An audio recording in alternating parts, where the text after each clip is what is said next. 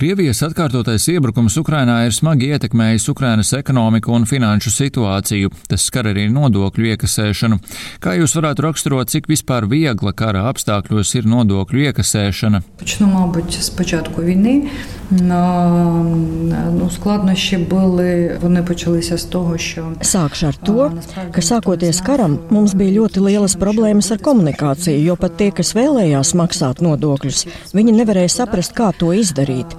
To es minēju arī savā konferences prezentācijā, ka mēs ieviesām šo 24-7 komunikācijas centru, lai varētu komunicēt ar mūsu nodokļu maksātājiem un skaidrot lietas cilvēkiem. Otrs svarīgs virziens bija tas, ka mūsu uzņēmēji bija ļoti vienoti un patriotiski, jo mūsu galvenais lozungs bija maksājiet nodokļus uz priekšu. Arī pagājušā gada martā un aprīļa sākumā mēs vērsāmies pie nodokļu maksātājiem ar lūgumu nodokļus maksāt uz priekšu. Jau vēlāk Ukrainas valsts prezidents atbalstīja nepieciešamu reformu par atvieglojumiem, lai varētu vispār nodrošināt uzņēmēju darbības pastāvēšanu un bija pieņemti nepieciešamie likumi un atvieglojumi, bet tas Tas notika nedaudz vēlāk. Un viens no svarīgākajiem momentiem un atvieglojumiem bija tas, ka nebija nekādu soda sankciju par to, ka netika iesniegta nodokļu atskaite, un tas bija piemērots ne tikai lieliem uzņēmumiem, bet attiecināts arī uz vidējiem uzņēmumiem un fiziskām personām, kas veica saimniecisko darbību. Nebija nekādu soda sankciju, un kādu laiku bija atļauts nemaksāt nodokļus. Tas bija liels izaicinājums mūsu dienestam, jo mūsu mērķi un funkcija nemainījās. Mums bija jānodrošina budžeta paplašināšana un budžeta ienākumi. Bet kā var piespiest maksāt nodokļus, ja nav nekādu sankciju par to nemaksāšanu? Un tas bija liels sitiens, ko mūsu sistēma un uzņēmēji kopumā izturēja, kas apliecina, ka mūsu uzņēmēji ir ļoti lieli patrioti. Bet mēs savukārt bijām atbildīgi par komunikāciju un visu laiku uzrunājām mūsu uzņēmējus un lūdzām viņus, ja jums ir ienākumi, lūdzu maksājiet nodokļus, jo tas ir nepieciešams, lai budžets un ekonomika izdzīvotu. Viens no galvenajiem atvieglojumiem bija tā dēvētā 2% sistēma, kas bija piemērota gan fiziskām, gan juridiskām personām, un tām bija nepieciešams maksāt nodokļos tikai 2% no sava apgrozījuma. Tas darbojās un bija spēkā līdz 2023. gadam, un uz šodienu jau ir atgriezušās gandrīz visas tās nodokļu likmes, kas bija spēkā pirms kara sākuma. Piemērojot tādus atvieglojumus, visi apzinājās, ka tas ir pagaidu risinājums gan valsts, gan arī uzņēmēji un nodokļu maksātāji. Un tas bija nepieciešams tādēļ, lai uzņēmēji nepamestu savu valsti, paliktu un strādātu Ukrainā un turpinātu savu darbību. Tādēļ tas bija akūti nepieciešams atbalsta mehānisms, lai paturētu savus uzņēmējus Ukrainā. Un šodien mēs novērojam ļoti pozitīvu tendenci. Uzņēmēja darbības aprite un apjomi pieaug. No ārzemēm atgriežas pagaidu pārvietots vietējais bizness vai vietējie uzņēmēji, un tas veido papildu ienākumus budžetā. Interesants ir fakts, ka vietējie un mazie uzņēmēji, atgriežoties Ukrainā, apliecina, ka mūsu nodokļu sistēma viņiem ir daudz piemērotāka un liekas labāka nekā ārzemēs, kur tie ir pabijuši.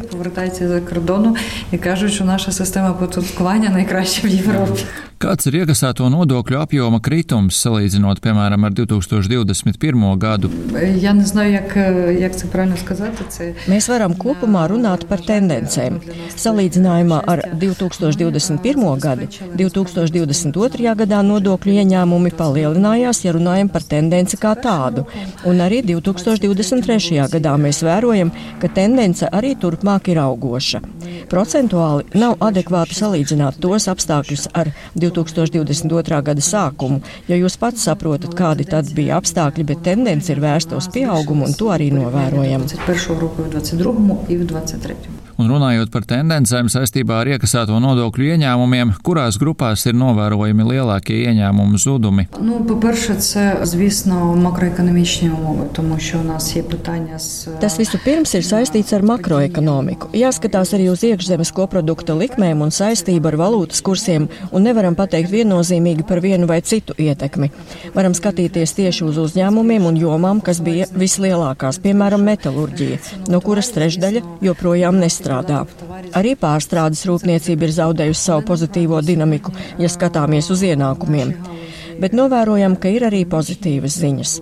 Izstrādājumi, kas ir nepieciešami piemēram ģeneratoriem vai kas ir nepieciešams specifiskam elektroniskam aprīkojumam, tas joprojām tiek ražots Ukrainā un tas nodrošina pozitīvās tendences bet mēs, kā ieņēmumu dienests, atbilstoši savai kompetencei, visu laiku strādājam ar uzņēmumiem, lai tie atbilstoši savām spējām un ražošanas spējām atbalstītu arī mūsu ekonomiku, pārskaitot visus nepieciešamos nodokļus.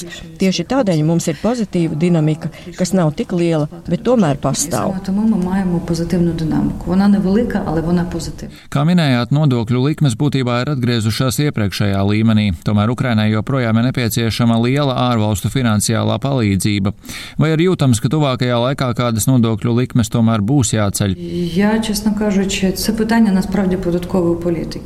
Protams, ka politiski es nevaru atbildēt uz šo jautājumu ļoti precīzi, jo, lai kaut ko tādu īstenot, ir nepieciešams lēmums no Finanšu ministrijas un visiem atbildīgajiem departamentiem daudz augstākā līmenī.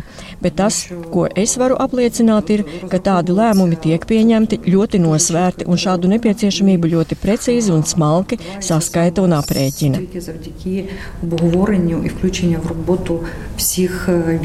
2014. gadā tika ieviests militārais nodoklis 2% apmērā, vai sabiedrība pie šī nodokļa jau ir pieradusi un izprot tā nozīmi. Es domāju, ka no 2014. gada cilvēki ir pieraduši pie šādu veidu nodokļa, un šodien vairāk kā jebkad agrāk mēs saprotam, cik ļoti bija nepieciešams ieviest šo nodokli, jo tieši no šī nodokļa veidojies budžets, kas bija nepieciešams sākoties karam. Lai iestātos Eiropas Savienībā, Ukrainai nepieciešams veikt virkni mājas darbu, to starp cīnīties ar ēnu ekonomiku.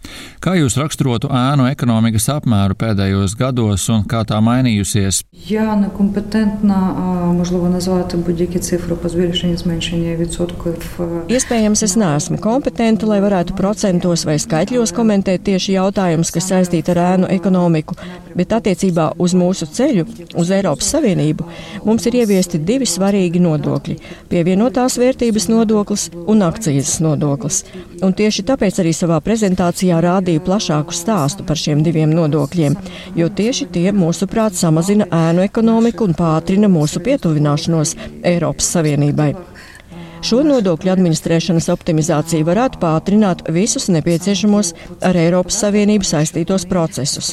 Izstrādājam procesu administrēšanas automatizēšanu, automātisku risku pārvaldības sistēmu un arī projekts elektroniskā akcijas marka tagad ir izstrādes procesā un tas viss ir atbilstoši prasībām, lai iestātos Eiropas Savienībā. Ukraina un tās prezidents Valdemirs Zelenskis liek uzsvaru uz to, ka jāpalielina ražošana ražošana militārajā industrijā. Vai šeit ir kādi atvieglojumi tiem, kas darbojas šajā industrijā un ražo preces Ukrainā? Насправді це питання Міністерства економіки, тому що вони розробляють дуже багато. Tas ir jautājums ekonomikas ministrijai, jo viņi izstrādā visu nepieciešamo politiku un projektus attiecībā uz šiem jautājumiem. Tā ir viņu kompetence. Runājot par militāro jomu, ir virkne likumu atvieglojumu, kas atvieglo militāro preču importu uz Ukrainu. Ukraina. Esat iepazinusies arī ar citu valstu pieredzi. Varbūt varat pateikt, ar ko jūsuprāt atšķiras Latvijas un Ukrainas nodokļu sistēma, ko abas valstis var mācīties viena no otras. Цікаве питання. Nu, те, що у нас спільного точно. Tas, kas ir kopīgs, ko varu pieminēt, pazīstot Latvijas ieņēmumu dienesta ģenerāldirektori, ir nostāja darbiniekiem strādāt centīgi, kā arī vēlme pastāvīgi uzlabot sistēmu un to pātrināt, lai augtu kvalitāte. Un galvenais, ko es gribētu uzsvērt, ko Latvija tagad pārņem no mums, Ukraiņiem, ir elektroniskā kases aparātu reģistrēšana. Tā ir speciāla programma, kas izstrādāta mūsu dienestā, un tā jau veiksmīgi darbojas Ukrainā. Tagad Latvija pārņem šo pieeju. Runājot par kopīgo, tiešām daudz kas ir kopīgs, un vēlamies gūt pieredzi, lai uzlabotu un pātrinātu mūsu integrāciju Eiropā.